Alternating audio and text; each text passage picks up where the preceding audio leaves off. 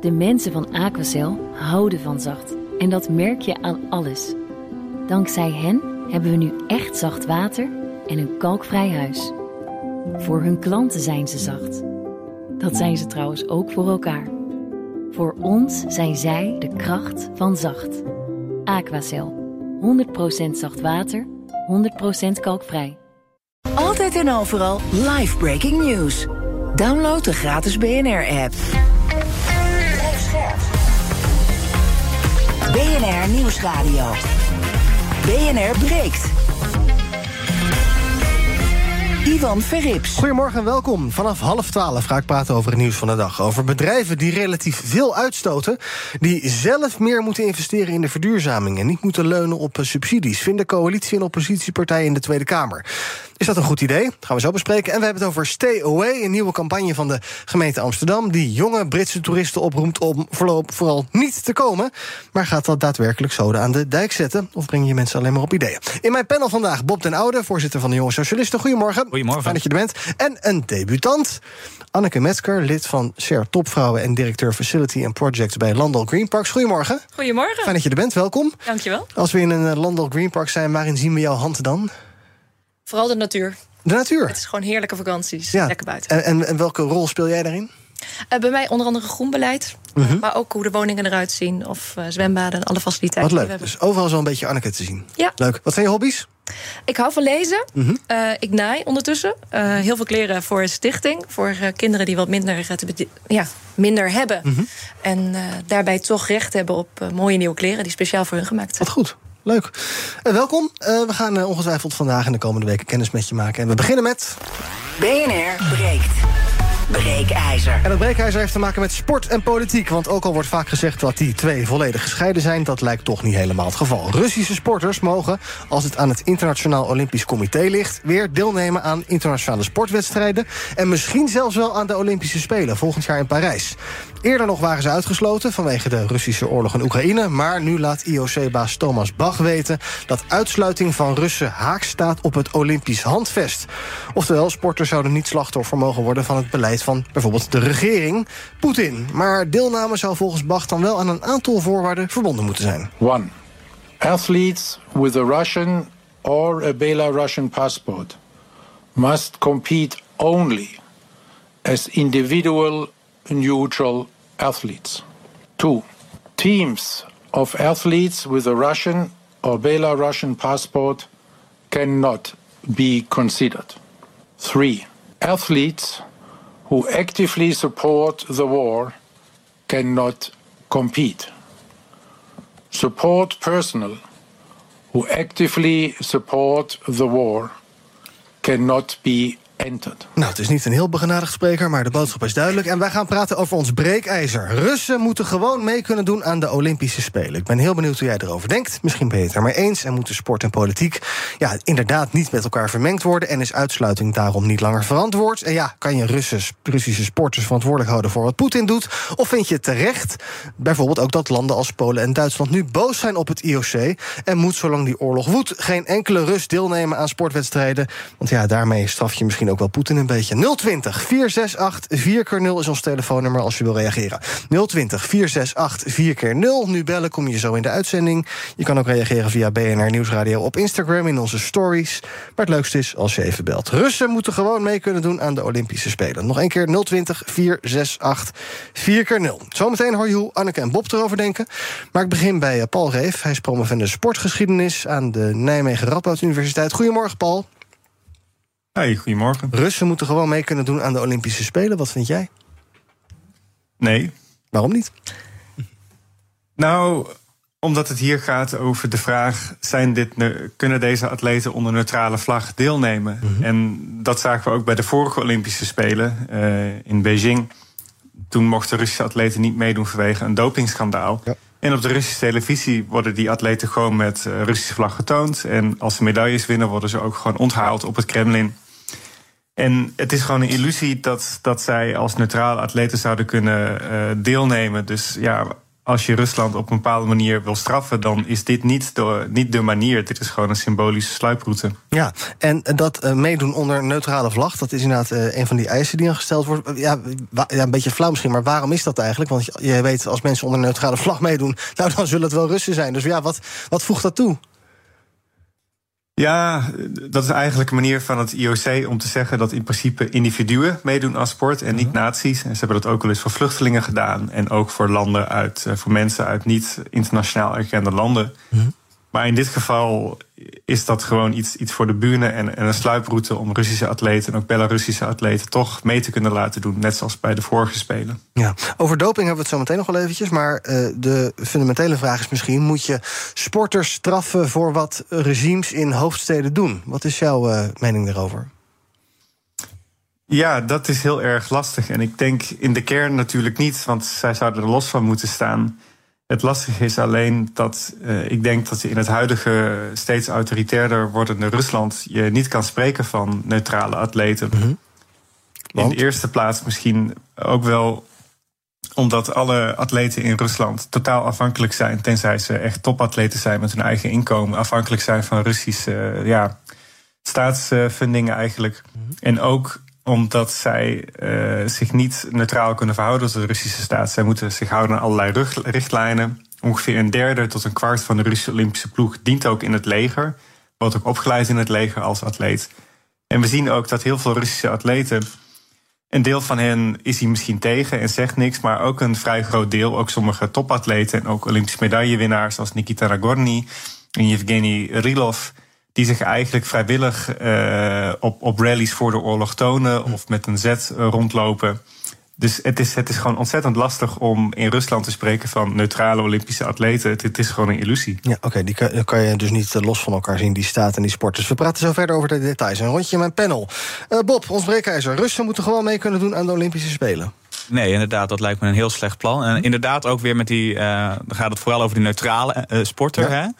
Hè? ik kan me zo goed ehm, voorstellen dat je dan komen die neutrale sporters dan op dat Olympische Spelen. En dan is er. Was, ik zie daar gewoon een gigantisch risico in dat er dan eentje een beetje is omgekocht door Poetin. om dan toch nog een paar positieve uh, uitspraken voor de oorlog te gaan doen. Dat je wel een stiekem zet gaan maken. Of, En dat, dit zie ik. Dus op, op dat vlak zou dus daarom al zeggen van ook die neutrale sporters niet. Uh-huh. Maar ik wil wel eigenlijk een uitzondering maken voor de sporters die zich juist uitspreken tegen Poetin. Uh-huh. kan er zo even niet één bedenken, helaas. Maar dat, dat is wel een groep waarvan ik denk, nou die wel. Ja, maar dat is ook wat Thomas Bach net zei. Eh, die draait het dan om en die zegt van sporters die meedoen, die, die de oorlog steunen, die mogen niet meedoen. Maar ja, toon dat dan ook maar eens aan dan. Ja, van sommigen zal het kunnen, maar van anderen weer niet. Ja, en die hebben dan helaas pech. Ja, en die, en die moeten dan dus de, de goede uh, leiden onder de kwaai in dat geval dus. Weet ja, ja, nou ja, die gaan we lekker in eigen land uh, het, is wel een het, het, is uiteindelijk wel een oorlogssituatie. En het IOC hoopt natuurlijk deze beslissing niet te hoeven maken... dat de oorlog mm alweer voorbij zou zijn. En, maar dat blijkt niet te zijn. En dan, ja, dan moeten we ons toch tot de realiteit gaan keren... dat... Uh, dat, dat er een hele nare situatie gaat. En je wil ook niet dat, dat, dat die Olympische Spelen compleet wordt overschaduwd door die oorlog. En dan, ik bedoel, je blijft wel wat gemompel houden, omdat als ze niet mee mogen doen. Maar als, je, als ze wel meedoen en, en er gebeurt zoiets, dan heb je wel echt de pop aan dat. En dan moet het IOC dus maar kleur bekennen en politiek bedrijf eigenlijk. Is dat dan toch? Ja, nou ja, ik, ik, eh, ja maar dat, daar heeft Rusland voor gekozen. Dat is niet, dat is niet aan nee, maar dan moeten zij dus reageren. Ja, precies. Anneke, wat vind jij? Breekijzer, Russen moeten gewoon mee kunnen doen aan de Olympische Spelen. Ja, ik vind dat ze mee kunnen doen. Waarom? En ik denk dat het hier gaat. Het gaat om een wereldwijde sportwedstrijd. Uh Het is echt topprestatie. Dit is het, het ultieme wat je kunt bereiken op, eh, op sport. En ik denk dat het hier niet gaat om politiek of om landen. Maar het gaat hier om, uh, om sporters die zich willen meten aan de top. Mhm. En dan gaat het om. Uh, sporters stellen ze hun hele leven van jongs af aan stellen zij, in, stellen zij alles in het teken om echt maximaal uit zichzelf te halen. En ik denk dat dat losstaat van, van politiek. Dat is, uh, en daar is dit echt het platform uh, voor om dat te doen. Ja. Ja, Paul zegt net, eh, die, die sporters, Russische sporters en de staat... die zijn nauw met elkaar verweven. Dat kan je eigenlijk niet los van elkaar zien. Nou, ik denk dat we in heel veel landen zien... dat, uh, dat uh, sporters ook bij het, bijvoorbeeld het leger betrokken zijn. Mm -hmm. dat, speelt op veel meer, uh, meer Opleidingen betaald worden door ja. de staat en dergelijke. Ja. En, en bedoel, dat is zelfs in Nederland zo. Wij, wij vinden natuurlijk ook de topsporten. Dus ik denk dat... Maar het is een fundamentele keuze. Wil je deze Olympische Spelen politiek maken? -huh. Nee. En ik denk dat, dit, dat ze een, een neutrale oplossing aan het zoeken zijn. Ja. Maar de basis is dat uh, de toekomst en ook vrede gaat over mensen en verbinding. Mhm. En daar is juist de Olympische Spelen echt het summum van. Ja, en wat Bob dan net schetst, dat je dan misschien toch inderdaad sporters gaat zien die een uh, Z dragen of een Z-symbool maken of uitspraken gaan doen die je misschien niet uh, zou willen. Ik denk dat, is je dat, heel een kunt risico- re- ja, ik denk dat je dat heel goed kunt reguleren. Van, Door geen interviews uit te zenden, bijvoorbeeld met die mensen. Of... kan, maar die zullen er natuurlijk in Ja. Rusland wel zijn. Ja. Maar ook dat je zegt van politieke uitingen, die zijn. Nou, dat, daar hebben we helaas ook wat, eh, wat eh, voorbeelden gezien aan de andere kant. Mhm. rondom, eh, rondom alles wat met genderneutraliteit en, en voorkeuren Ja. te maken heeft. Maar, de, maar ik denk dat dat dus kan. Ja. Paul, voordat we naar de bellers gaan. eh, eh, Thomas Bach gisteren, die zei dus van ja, eh, die roept, roept bonden op om int- internationale competities om daar Russen weer toe te laten. Maar het IOC neemt nog geen besluit over de Spelen. Dat klinkt een beetje logisch, want de kwalificaties voor onlogisch, want de kwalificaties voor de Spelen die zijn al bezig. Dus je moet toch als sportwereld één lijn trekken. Je kan toch niet zeggen de ene bond doet dit, de andere bond doet dit en het IOC kijkt later wat ze doen? Eh, dat zou wel kunnen, als het alleen niet om die kwalificaties voor de Spelen ging. Eh, het IOC heeft eigenlijk een jaar geleden de fout gemaakt om heel snel toe te geven aan, aan publieke druk vanuit het Westen om met een uitsluiting te komen. En ze hebben daarbij geen exit-strategie afgesproken. En je ziet nu dat er eigenlijk globaal geen consensus is hierover. Eh, De Russische sportminister was onlangs in India. China nodigt Russische atleten uit voor de Aziatische Olympische Spelen. En, en zij schuiven die moeilijke politieke beslissing nog even voor zich uit, hopend dat er toch een soort van consensus te vinden is, of, of een soort van compromis tussen niet alle Russen uitsluiten en sommigen wel toelaten. Ja, ik zag bij Deutsche Welle een sportcommentator die zei: het IOC kiest eigenlijk voor Rusland. Ben je het daar maar eens? Ja, dat was denk ik Jens Wijnreich. Ja, ik ben het wel met hem eens, omdat wat je ziet, eh het IOC heeft, de, heeft een soort van Olympic Summit eh, gedaan, een Olympische top, waarbij ze alleen het Russische en het Chinese Olympisch Comité hebben uitgenodigd om er iets over te zeggen. En je kan natuurlijk zeggen, eh, het IOC bedrijft politiek door Russische atleten uit te sluiten. Maar het bedrijft ook politiek door te zeggen dat iets neutraal zou moeten zijn. Dat je Russische atleten nog altijd een platform biedt. En Rusland dat ja, gigantisch inzet op sport als soft power middel. Dit niet te, te ontnemen in, in een tijd van genocide en oorlog. En natuurlijk is het hypocriet, want bij andere oorlogen gebeurt dat niet altijd. Maar dit is geen politiek neutrale keuze. En het IOC is heel erg nauw verweven met ja, Russische sportbestuurders, eh, Russisch geld. Net zoals dat geldt voor Saoedi-Arabië en, en China. Dus ja, zij tellen, ja, zij, zij kiezen daarvoor. Ja, we gaan naar onze bellers. 020 468 4 keer 0 Russen moeten gewoon mee kunnen doen aan de Olympische Spelen. Ik ben heel benieuwd hoe jij erover denkt. Even kijken wie er het langst aan de telefoon hangt te wachten. Samir, goedemorgen. Goedemorgen. Zeg maar. Ehm, ik vind het een beetje eh, ja, hypocriet wat meneer al net zei.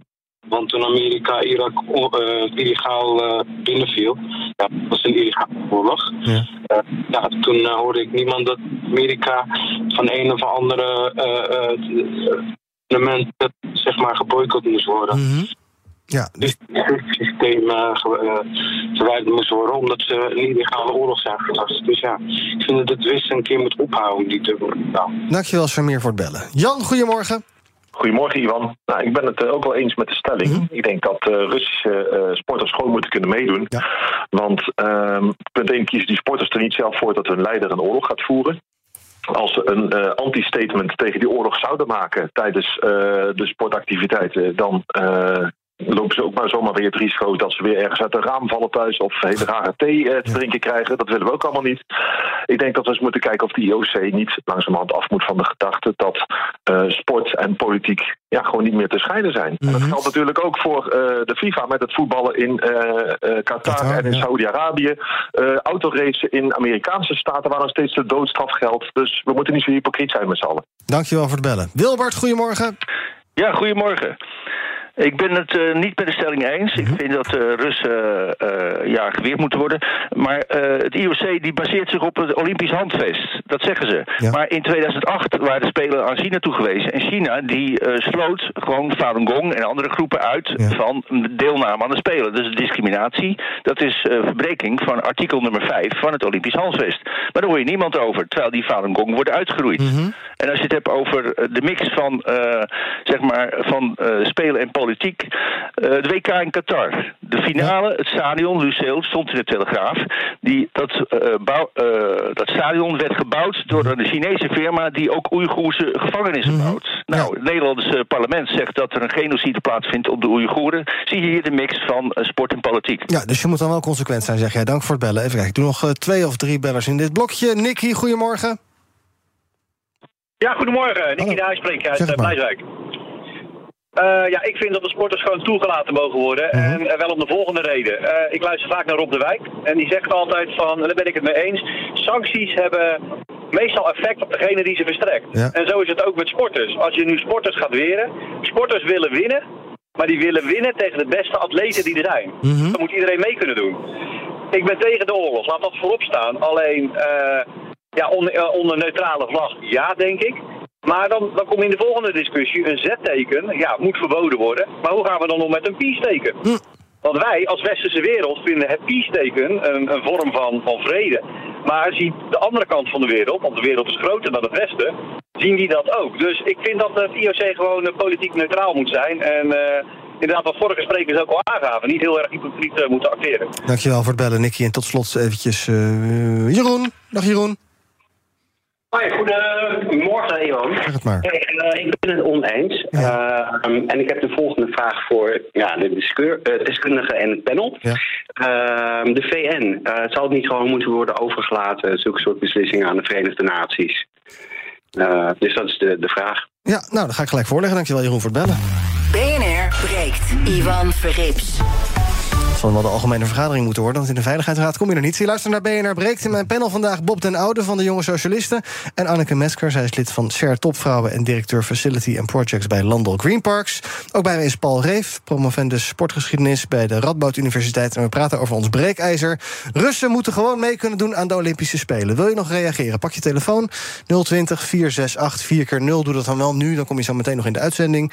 020 468 4 keer 0 Nou, Paul, uh, suggestie net uh, van Jeroen laten de VN erover beslissen. Is dat een idee?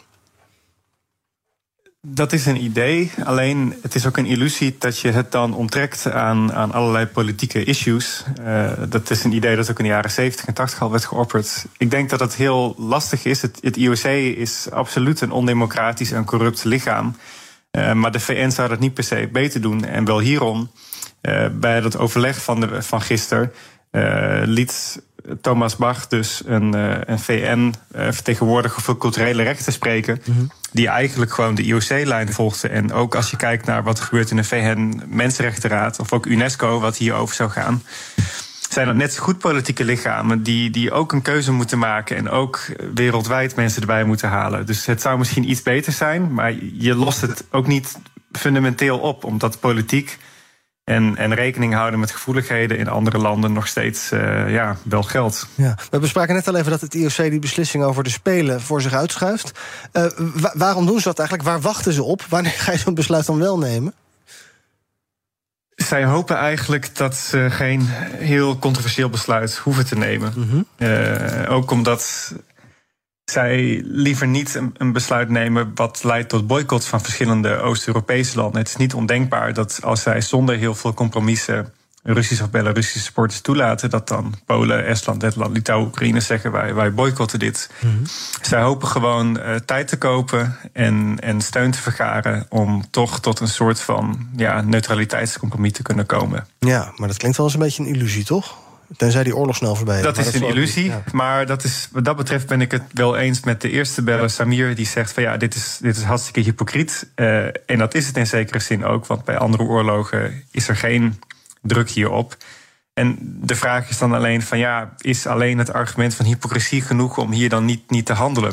Of hier hmm. niks aan te doen? En het IOC uh, eh, verkeert gewoon in een ander ja, politiek krachtenveld waar zij steeds meer beïnvloed worden door geld uit het Midden-Oosten en ook door ja, landen als China en Rusland. Dus het is niet meer een door, alleen door het Westen gedomineerd lichaam zoals het 20, 30 jaar geleden was. Nee.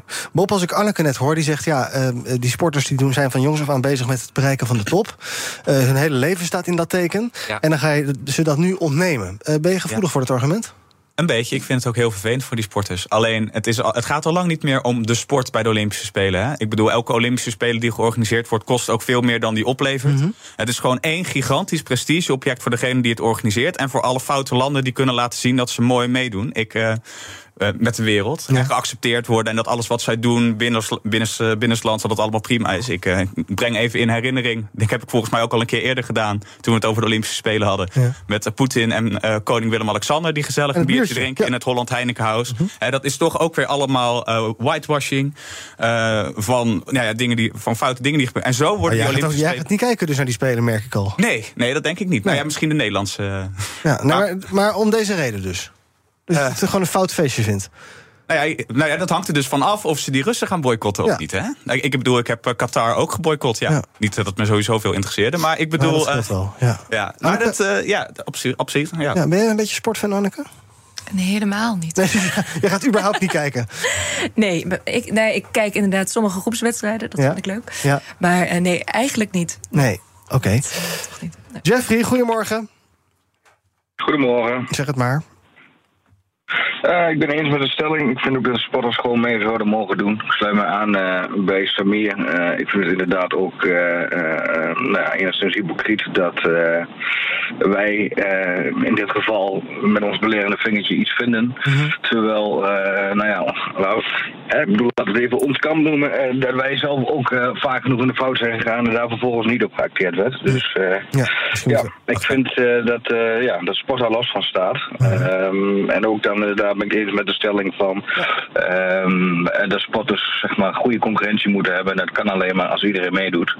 Uh, om iets te meten aan de beste van de wereld. En uh, daar horen ja, in dit geval uh, Russische sporters ook bij. Ja, hoorde je nog reageren, Bob? Ja, nou ja, ik denk dat we. Het, wordt al heel erg van ja, wij hebben ook nog oorlog gevoerd. En dat is waar, absoluut. Ja. Alleen tegelijkertijd is dit ook wel een van de grootste mensenrechten schendingen in de afgelopen, wat is het, 20 jaar tijd. Ik denk dat dat ook wel een wat andere reactie vereist dan.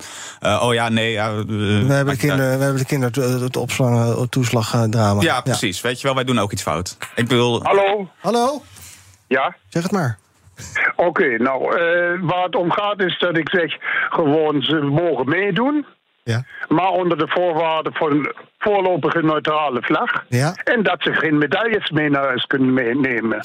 Of overhandigd krijgen. Maar ze mogen wel binnen. Uh, dat uh, die niet politisch gebruikt kunnen worden Ja. in Rusland. Ja, dus dat je al dat soort mogelijkheden eruit, eh, eruit eh, haalt. Dankjewel voor het bellen, eh, Knaak. Ehm, eh, Paul, tot slot, ja, nou, die, die discussie gaat nog een keer komen. Ik wil nog even kort met jou bespreken eh, het aspect geld. Als ik inderdaad even terugdenk aan Qatar, alles wat daar om te doen was. Toen was ook het verhaal, ja, uiteindelijk dus de, de, de, de sponsoren... die besluiten eigenlijk wat er gaat gebeuren. Want als er geen geld binnenkomt, is dat hele evenement weg. Geldt dat hier ook een beetje? Ja, het IOC luistert eigenlijk naar twee dingen: boycotts en geld. Um, en hierbij zou gelden, uh, als dit echt een nog veel controversiëler thema wordt dan het nou is, en ook westerse sponsoren en, en mediaconcerns uh, gaan zich terugtrekken of er minder geld in stoppen. Dat is wel iets waar ze voor gevoelig zijn. En dat is een geldstroom die niet kan worden opgevangen met, met andere wereldmarkten. Nee. Oké, okay, dankjewel. En oh, misschien als laatste dat, dat punt van ja, Russische atleten zijn neutraal en, en daar moet je iets mee kunnen doen. Ik denk dat er gewoon een fundamenteel onbegrip in Nederland is voor de mate waarin sport in Rusland is gepolitiseerd. Ja. Die mensen kunnen helemaal niet, niet neutraal meedoen. En zij worden echt, uh, ja, het is echt een illusie om te denken dat je dat zo op kan lossen. Ja, en dus is jouw stelling, zij moeten niet uh, mee kunnen doen. Dankjewel. Paul Reef, promovende sportgeschiedenis bij de Radboud Universiteit. Dus de uh, stelling van het NOC-NSF in Nederland is trouwens... dat de internationale lijn wordt gevolgd. Dus ja, gaan ondersteunen of de Russen en Belarussen... onder neutrale vlag mee kunnen doen. Ze zeggen, ons hart is bij Oekraïne... maar de sporters staan, staan centraal. Ze werken jarenlang naar dit evenement toe. Dus laten ze dan uh, meedoen onder neutrale vlag. Maar, zo zegt NOC-NSF ook... het is een worsteling waar de hele sportwereld... in toenemende mate mee te maken krijgt. Op onze Instagram-pagina is 45% het eens. 55% dus oneens met de stelling... Russen moeten gewoon mee kunnen doen aan de Olympische Spelen. Daar kan je nog de hele dag van je laten horen. En zometeen ga ik verder praten met Anneke en Bob over het nieuws van de dag. Over uh, subsidies, al dan niet om bedrijven te verduurzamen. En wetenschappers die waarschuwen voor uh, kunstmatige intelligentie. En ja, dat die misschien wel eens heel erg slim zou kunnen worden. En die zeggen, joh, trap maar eventjes een halfjaartje op de rem. Gaan we zo bespreken in het tweede deel van BNR Breek. Tot zo. De mensen van Aquacel houden van zacht. En dat merk je aan alles. Dankzij hen hebben we nu echt zacht water en een kalkvrij huis. Voor hun klanten zijn ze zacht. Dat zijn ze trouwens ook voor elkaar. Voor ons zijn zij de kracht van zacht. Aquacel. 100% zacht water, 100% kalkvrij. Business Booster. Hey ondernemer, KPN heeft nu Business Boosters. Deals die jouw bedrijf echt vooruit helpen. Zoals nu, zakelijk tv en internet, inclusief narrowcasting... de eerste 9 maanden voor maar 30 euro per maand. Beleef het EK samen met je klanten in de hoogste kwaliteit. Kijk op kpn.com slash businessbooster. Business Booster. BNR Nieuwsradio. BNR breekt. Ivan Verrips. Welkom terug. Vandaag in mijn panel Anneke Metzger, lid van Share Topvrouwen en directeur Facility and Projects bij Landal Green Parks. En Bob den Oude, voorzitter van de Jonge Socialisten. En we gaan praten over het nieuws van de dag. En we beginnen bij uh, vervuilende bedrijven. Bedrijven die relatief veel broeikasgassen uitstoten. Die moeten zelf meer gaan investeren in verduurzaming. Het kabinet moet ze niet met allerlei extra subsidies uh, gaan helpen om die achterstanden op concurrenten in te lopen. Blijkt uit een rondgang van nu.nl onder zowel coalitie als oppositiepartijen in de Tweede Kamer. Nou, ben ik gelijk benieuwd, Anneke, wat vind jij? Is het nou goed om uh, bedrijven een beetje te gaan helpen met subsidies? Of zeg je van, ga het zelf maar regelen en trek zelf maar een beetje bij? Ik denk dat het een hele complexe vraag is. Want wat, het is natuurlijk heel makkelijk om te zeggen: bedrijven, uh, doe dit maar. Maar je hebt natuurlijk bedrijven zijn ontzettend divers in wat ze doen. Van uh, nou ja, de landbouw, uh, akkerbouw, de. Hoe zeg je dat? Veeteelt. Mm -hmm. Maar natuurlijk ook de industrie die stijl produceert. Of die. Nou ja, Shell was natuurlijk recent het nieuws. Ja. Dus ik denk dat, dat het daarmee Um, elke industrie heeft zijn eigen opgave. En ik denk dat het een opgave is die wij als uh, samenleving hebben. -hmm. En voor het ene bedrijf is het ontzettend makkelijk om die stappen te zetten. En voor het andere, uh, of voor het andere bedrijf is het ontzettend complex. En misschien wel bijna onmogelijk om die stappen te zetten. Dus ik denk dat je niet zo makkelijk dat over één kam kan scheren. Okay, dus je hebt echt maatwerk nodig per, per industrie, zeg je eigenlijk, ja. per sector. En waar kijk je dan naar of die bedrijven kapitaalkrachtig genoeg zijn om dat, om dat zelf te doen? Of dat ze, ja, waar, waar kijk je dan naar? En dan ga je echt over de as van het geld. Ik denk ja. dat het ook gaat om uh, eigenlijk van wat voor, wat voor wat doen zij? Mm -hmm. Dus wat is de aard van de industrie? Oké, okay. en hoe belangrijk vinden wij dat ook misschien? Of... Uh, daar kun je ook keuzes in maken van wat okay. je vindt. En welke afwegingen, ja, zonder dat we een heel plan gaan uitwerken, maar welke afwegingen zou jij daarin maken dan? Nou, ik denk dat je. Uh, er zijn een aantal grondstoffen, uh, of dat nou voedsel is of, uh, of producten die, die wij als Nederlandse economie nodig hebben. Mm -hmm. En ik denk dat je soms ook heel makkelijk kunt zeggen van uh, ga maar naar de andere kant van de wereld. Ja. Uh, of dat zullen soms bedrijven ook zeggen als het uh, te moeilijk wordt. En ik denk dat je dus toch naar, naar, naar de, integrale, ja, de integrale kijk daarop moet, moet kijken. Ja. Om te zien van wat we nodig hebben. En dat zijn soms ook, dat is ook de schroefjesfabriek. Want daarmee kun je uiteindelijk een ASML ja. apparaat in elkaar zetten. Ja. Dus het is echt uh, die hele keten door. Oké, okay, nou dan wil ik zo nog wel wat, gewoon wat sectoren mag met je bespreken. Op, ja. Mag ik daarop ja. reageren? Nou, ja, je bent er nu toch. Ja, ja, ja, ja kom maar. Ja, kom maar. Nee, ik, ik, bedoel, want het gaat, het, ze heeft heel veel over verschillende aanpakken in verschillende sectoren. Maar deze uh, dit plan wat ze nu hebben over die subsidies gaat juist over, me, over bedrijven die relatief gezien veel ja, vervuilen binnen hun sector al. Dus dat Shell en BP veel vervuilender zijn dan de andere relatief gemiddelde mm -hmm. uh, organisaties. Ja. En dat is dus ook precies het punt. Dat, uh, hoe heet het? Dat het, dat, tenminste, nou, het kabinet wil gewoon sowieso subsidie naar Shell. Laten we dat duidelijk hebben. Maar dat ze eerst tegen Shell gaan zeggen van oké, okay, ga jij maar naar het. Of nou, dat is het nog. Beloof maar dat je naar het gemiddelde gaat. Dan krijg je weer subsidie. Ja. Ja, precies. Nou ja, daar, daar nou, zit het hem al in. Hè. Dus goed, dan gaan we toch minder uitstoten met elkaar? Ja, maar we maken altijd. We, doen, we laten het bedrijfsleven altijd beloftes maken. En die komen ze dan niet na. En dan hebben ze weer een zak, zak geld binnengekregen. Ja, en dan gaan ze weer wat anders doen. En dan gaan ze weer wat anders ja. doen. En dan gaan we weer. Oh, jullie hebben je belofte niet nagekomen. Als jullie nou even beloven dat het weer goed gaat komen. Maar als je daadwerkelijk technologie bijvoorbeeld subsidieert waarmee je minder gaat uitstoten, dan kan je dat toch vrij makkelijk. Uh, ja, maar je, je, zou ook gewoon kunnen zeggen tegen de bedrijven: hé, hey, dit is voortaan. Uh, uh, wat je mag uitstoten, mm -hmm. ga er maar naartoe werken, ga zelf maar investeren. Want mm. je ziet ook gewoon dat als je bedrijven subsidie geeft om uh, dat soort uh, vraagstukken op te lossen, dat ze gewoon meer winst uit gaan keren aan hun aandeelhouders. Ze worden er lui van. Jij vindt ons kabinet te lief voor ondernemers in dit land? Ja, nou ja, te lief voor vervuilende bedrijven, niet voor ondernemers. Shell is geen ondernemer. Nee. nee. Onderneming, oké. Okay. Uh, nee, nou ja. Ja, multinationaal. Multinationaal. Ja, ja oké, okay, je hebt gelijk. Um, wat vind jij, uh, hoe, hoe sta jij in deze discussie? Ook dat politieke verhaal? Bob die zegt, ja, god, die bedrijven zijn eigenlijk onbetrouwbaar. Nou, ik denk dat als je afspraken maakt, dat je afspraken heel goed moet dichttimmeren. En dus dat er, als er uh, middelen ter beschikking gesteld worden voor een doel, dat je het ook meetbaar moet maken wat je met dat, uh, met dat geld wil bereiken. Mm -hmm. En dat het ook gerapporteerd moet worden. En ik denk dat dat soms iets is wat we, uh, wat we in Nederland nog wel kunnen verbeteren. Ja. Enerzijds is het soms ook heel moeilijk om het meetbaar te maken. Maar het is ook bijvoorbeeld uh, bijvoorbeeld een Shell die natuurlijk al enorme lange verwevenheid heeft met Nederland. En, en ook al heel erg lang zit. Een van de dingen die meespeelt, denk ik ook in je verduurzamingsopgave, is of iets er gloednieuw staat. Of al, al jaren er staat. Als jij nu een nieuwbouwwoning hebt, die is energie-neutraal. Dat is een relatief makkelijk opgave. Mhm. Mm -hmm. Heb jij een woning uit uh, nou, een grachtenpand in Amsterdam, ja. dan, uh, nou, we zeggen eens 1902, 1700. Ja, zit je met dan, allerlei dan heb je een hele andere opgave. Ja, monumentenvoorwaarden? Ja, uh, monumenten, de, gewoon de hele manier van bouwen, dingen die je niet kunt doen. Dus ik denk dat het te makkelijk is om het, uh, om, om het allemaal over één kam te scheren. Ja. Maar ik denk dat je wel goede afspraken kunt maken en duidelijke randvoorwaarden kunt Ja, stellen. en als je goed oormerkt en dus inderdaad goed, uh, goede afspraak maakt, dan kan het wel. Dan kan je het bedrijf er gewoon aan houden. En als ze zich niet aan de regels houden, dan haal je dat geld terug. Ja, nou ja, ik, ik vind dus sowieso dat subsidies uh, voor verduurzaming bij grote bedrijven die al heel veel winst maken, dus niet werkt. Mhm. En wat dus wel werkt, is dus gewoon duidelijk eisen stellen. Ook duidelijk gaan van tevoren aankondigen. Hè, van over vijf jaar moet je dit dus uh, allemaal geregeld hebben. En, zich, en ze daar gewoon aan houden. En nou ja, ik zou het eigenlijk willen omdraaien. Een boete als ze het niet doen. Oké, okay, ik wil nog even een paar sectoren uh, bespreken. Anneke, bijvoorbeeld luchtvaart. Moet je, die dan, moet je zeggen tegen KLM... we gaan jou steunen met extra geld om te verduurzamen? Zou dat, als, dat, als dat allemaal staatsregel, staatssteun technisch zou kunnen... maar even als denkoefening. Nou, ik denk dat je moet kijken wat er in de branche mogelijk is. Dus als je het hebt over de luchtvaart, en dat is niet alleen KLM, dat is -hmm. natuurlijk veel breder. Maar wij als Nederland zijn onderdeel van de wereld. Dus wij hebben uh, onze, ons bedrijfsleven, onze producten. Alles gaat over lucht en over, maar ook over, uh, over de weg en over, over water. Ik denk wel dat je heel bewust kunt kiezen voor welke, uh, welke weg je kiest, mm -hmm. welk middel je kiest. En daarbij kun je ook soms kiezen om dat niet uh, via lucht te doen. Maar goed, wij zelf naar Amerika toe gaan nog niet zo heel snel per boot. Nee. En overweg wordt toch ook wat lastig. Dus dan kun je wel stimuleren om de, de meest duurzame opties te kiezen. Dus ik vind dat je dat, dat gesprek zeker met ze kunt hebben. Ja.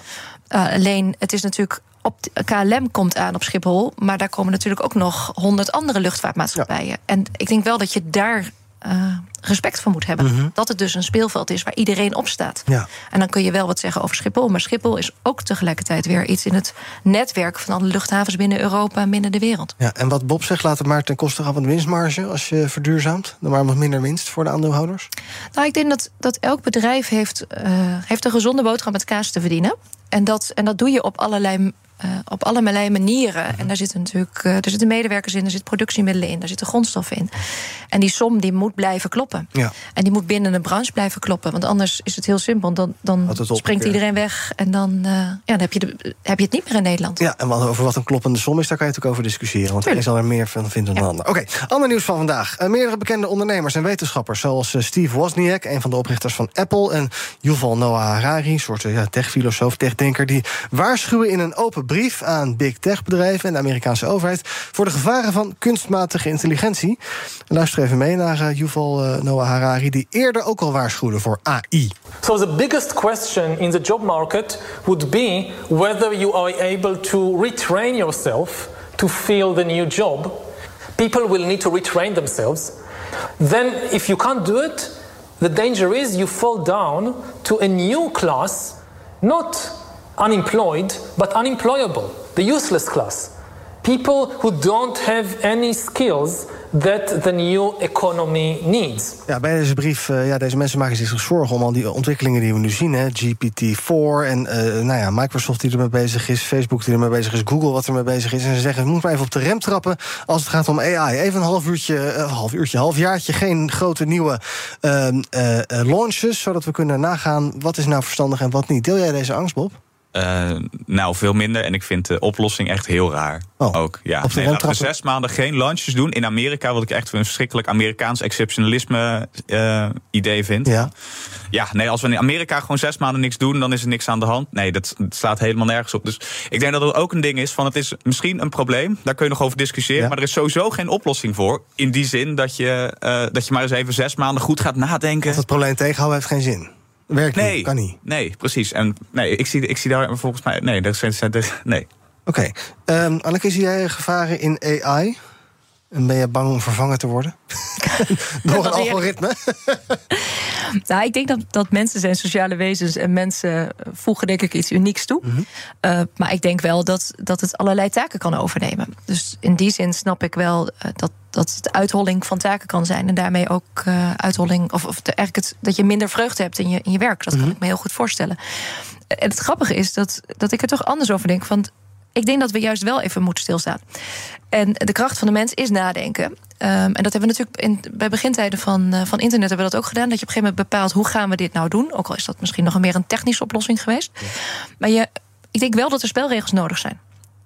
En ook die systemen, want anders krijg je hele onethische zaken. Krijg je. Mhm. Mm -hmm. Van als jij een, elektri- een zelfrijdende auto hebt en hij gaat zelf denken of hij, uh, stel die, die auto rijdt zelf rechtdoor en ja. je kunt uh, tegen uh, een ouder iemand aanrijden. Ja. Of je rijdt aan een gezin met uh, twee kleine kinderen. De dan klassieke gaat... dilemma's. Ja. ja. de klassieke dilemma's. Ik, ik, denk dat die er zijn en dat die toch uh, op een bepaalde manier ingeprogrammeerd moeten worden. -huh, maar heeft het dan zin om op de pauzeknop te drukken? Ik hoor Bob een beetje brommen aan mijn rechterhand. Ja, sorry. Nou ja, je zult het gesprek moeten voeren. En het gaat nu zo ontzettend snel. En tegelijkertijd, wat wel heel interessant is... in 99 was er ook eenzelfde vergelijkbare brief... Mhm. Mm -hmm. over de risico's van uh, AI.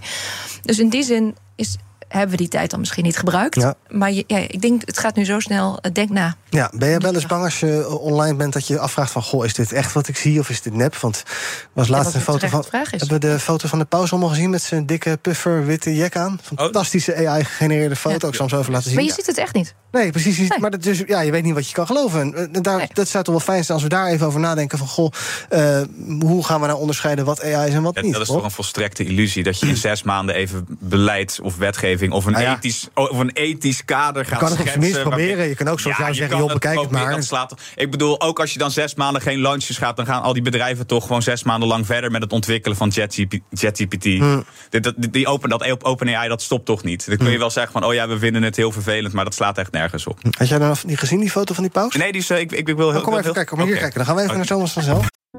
De mensen van Aquacel houden van zacht. En dat merk je aan alles. Dankzij hen hebben we nu echt zacht water en een kalkvrij huis. Voor hun klanten zijn ze zacht. Dat zijn ze trouwens ook voor elkaar. Voor ons zijn zij de kracht van zacht. Aquacel. 100% zacht water, 100% kalkvrij. Business Booster. Hey ondernemer, KPN heeft nu Business Boosters. Deals die jouw bedrijf echt vooruit helpen. Zoals nu, zakelijk tv en internet, inclusief narrowcasting... de eerste 9 maanden voor maar 30 euro per maand. Beleef het EK samen met je klanten in de hoogste kwaliteit. Kijk op kpn.com slash businessbooster. Business Booster. BNR breekt. Ja, panel vandaag Bob den Oude van de Jonge Socialisten... en Anneke Metzger van SER Topvrouwen... en ze is ook directeur bij Landel Green Parks. We gaan praten over wat jullie is opgevallen in het nieuws. En Anneke, ik wil graag uh, met jou beginnen. Jij wil het hebben over falend klimaatbeleid en mensenrechten. Vertel. Ja, klopt. Wat ik, uh, wat ik een heel interessant artikel vond, was dat er nu op het, in het Europees Hof verschillende rechtszaken zijn uh, van individuen. die op basis van de mensenrechten klimaat, uh, die overheidsingrijpen willen afdwingen. Mhm. Mm -hmm. En dat is iets wat ik denk, wat ik, wat ik heel interessant vind. We hebben natuurlijk heel veel um, rechtszaken al gehad en aansprekingen gehad van, van instanties ja. en, uh, en, en, en, doelen. Alleen dit keer zijn het echt individuen. Het zijn jij en ik mm -hmm. kunnen dat zijn. En uh, jij en ik verenigen onszelf en gaan vervolgens een rechtszaak aan. Ja. En dat uh, komt nu uit verschillende landen. En dat, uh, dat komt daarna ook op dat Europese Hof terecht. En als dat nou ja, als dat inderdaad gaat lukken, dan komt er daarmee ook een veel breder spectrum in Europa dat ze landen kunnen gaan afdwingen om in te zetten op die klimaatverandering. Mhm. Ja, en, en dat vind ik wel echt heel interessant om te zien. Ja. Dat, dat, raakt jou en dat raakt mij. En hoe zijn dit soort zaken anders dan bijvoorbeeld uh, Urgenda-zaken... waar natuurlijk ook bezorgde mensen achter zitten? Want dat is dan een stichting en je hebt ook MOB, vandaag nog in het nieuws... die zegt uh, de provincies moeten 40 uh, stikstofvergunningen gaan intrekken. Dat zijn allemaal ja, belangenclubs van bezorgde mensen. En hoe is het dan anders dat, dat nu individuen dat doen?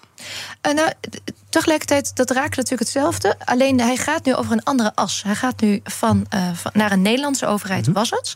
En nu gaan ze dus naar de Europese overheid, of de Europese rechtspraak. En vanuit daar krijg je veel meer een kettingreactie. Mhm. Want daarna moet het naar al die Europese landen.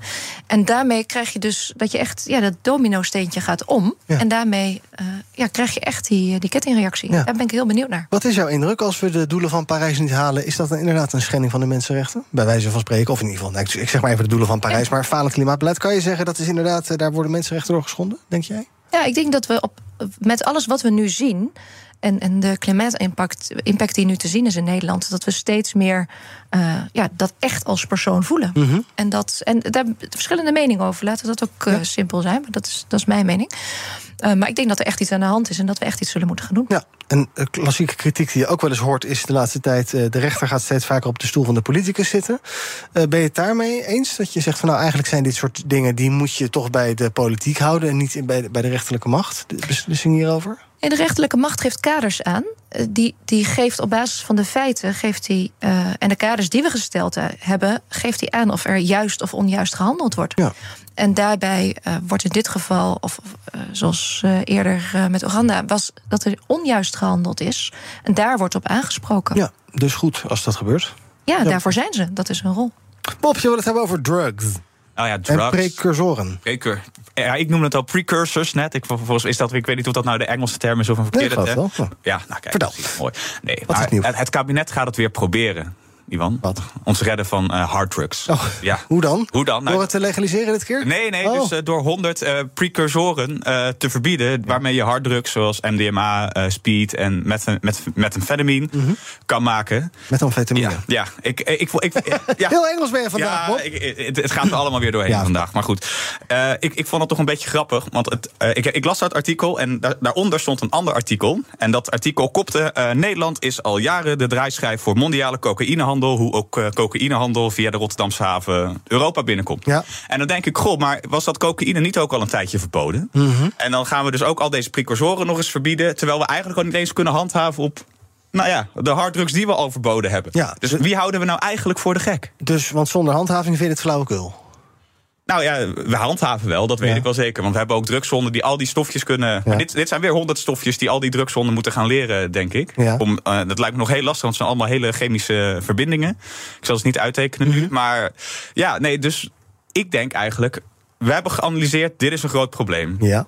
Pak de minst uh, erge harddrugs aan. Dus Ja. MDMA, dat is een, een van de meest vervuilende. En legaliseer die handel.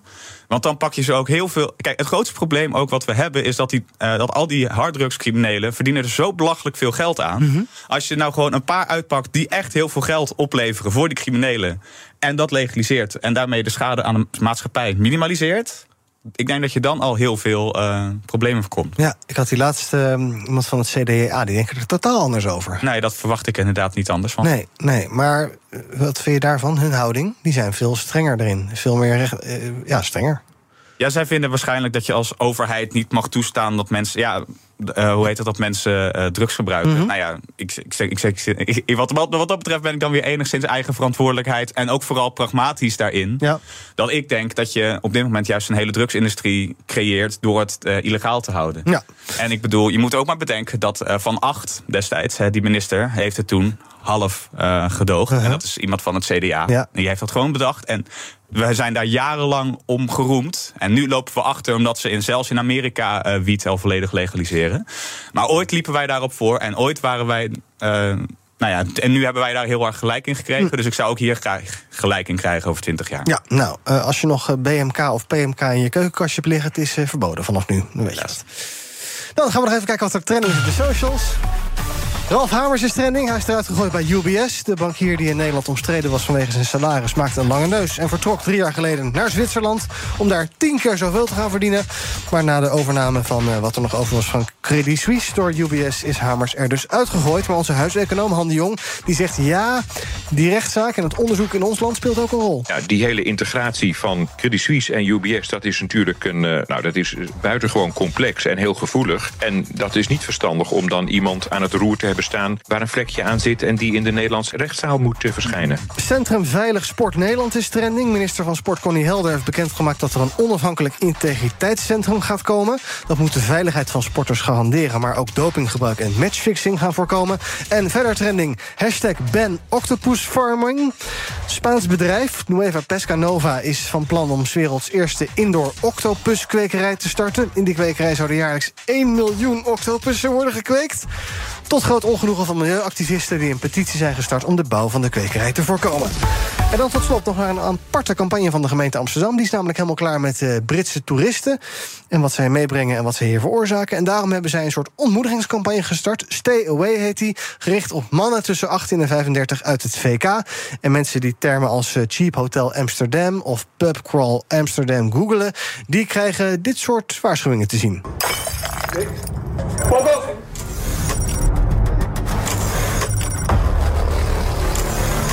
Ja, het levert allemaal een beetje een dystopisch beeld op... met politieagenten die je ziet die mensen in de, in de, in de boeien slaan... en, en een ander spotje, daar zie je ambulances en drugsgekkies die worden afgevoerd. Um, het is toch wel opvallend, Anneke, dat er een campagne komt om te zeggen... kom niet, dat is een soort omgekeerde city marketing. Ja, ik vind het heel interessant. Ja. Maar ik begrijp het ook wel heel goed. Want ik denk dat je als bewoner van Amsterdam... toch ook wel echt heel graag een plek wil hebben... waar je fijn kan wonen. Ja. En als jij je kinderen om zeven uur naar bed brengt, tenminste, dan gaat mijn dochter naar bed, Ja. dan is het op dat moment ook belangrijk dat ze lekker kan slapen. Ja. Dat er geen pubcrawl eh, voor mijn deur langs komt. Nee, en andere idioten die je huis eh, langs... Ja. Het is ook wel een soort, het is- ook wel iets discriminatoires, toch? Dat je gaat zeggen, mannen van uit dat land, met die leeftijd, die mot ik niet. Nou, dat vind ik wel. eh, Ja, dat verraste me eraan. Want meestal marketing is meestal gericht op positiviteit en eh, een match zoeken. En ik denk dat hier. Ze hebben goed geanalyseerd dat dit een mismatch is. Alleen misschien kun je dan ook de verwachtingen anders stellen. En het op een ja, toch een positieve manier invliegen. Ja. Dat uh, ja, Ja. een keuze. Kunnen we die toeristenbelasting makkelijk missen van die eh, paar Britten, denk jij, Bob? Dan maar geen... eh, Ja, nou, het- sowieso nog even re- reactie op deze campagne. Ja. Ik, ik vind het heel erg grappig dat de gemeente Amsterdam dus denkt van... goh, deze groep Britse toeristen die zich niet aan de regels houdt... laten wij even duidelijk maken hoe erg wij het vinden... dat Mhm. zij zich niet aan de regels houden. Misschien dat ze dan niet komen. Dat is natuurlijk gewoon... eh, Ja, ja, en het is alleen maar een uitnodiging. Blijkbaar is het heel leuk ja, in Amsterdam. het heel leuk. Dan kan je allemaal Ja. Ja. Nee, maar het is natuurlijk wel een beetje een fabeltje dat. eh, eh, mensen, dat, dat hoor je altijd van. We moeten onze toeristengroep moeten we opwaarderen. Mhm. We moeten alleen voor de hooggekwalificeerde mensen Ja. die heel duur een kaartje voor de opera kopen. Ja, nou ja, blijkbaar lukt het niet. Nee. Dus dan moet je misschien maar quota stellen of zo. Hè? Dat er gewoon het harde hand eh gaat Ja, reguleren. of uitleggen wat je normen en waarden zijn. Gaan zien of het lukt. Op de Of piste staat het ook of eh, aangegeven. kort weer allemaal eh, kwaliteitstoeristen komen zoals de gemeente graag wil. Dank voor jullie aanwezigheid vandaag bij BNR Breekt. Anneke Mesker en Bob den Oude. Morgen dan ben ik er weer. Tot die tijd volg je ons via de socials. Radio aan laten staan. Hoor je zometeen Thomas van Zel met Zaken doen. De mensen van Aquacel houden van zacht. En dat merk je aan alles. Dankzij hen hebben we nu echt zacht water en een kalkvrij huis. Voor hun klanten zijn ze zacht. Dat zijn ze trouwens ook voor elkaar. Voor ons zijn zij de kracht van zacht. Aquacel. 100% zacht water, 100% kalkvrij.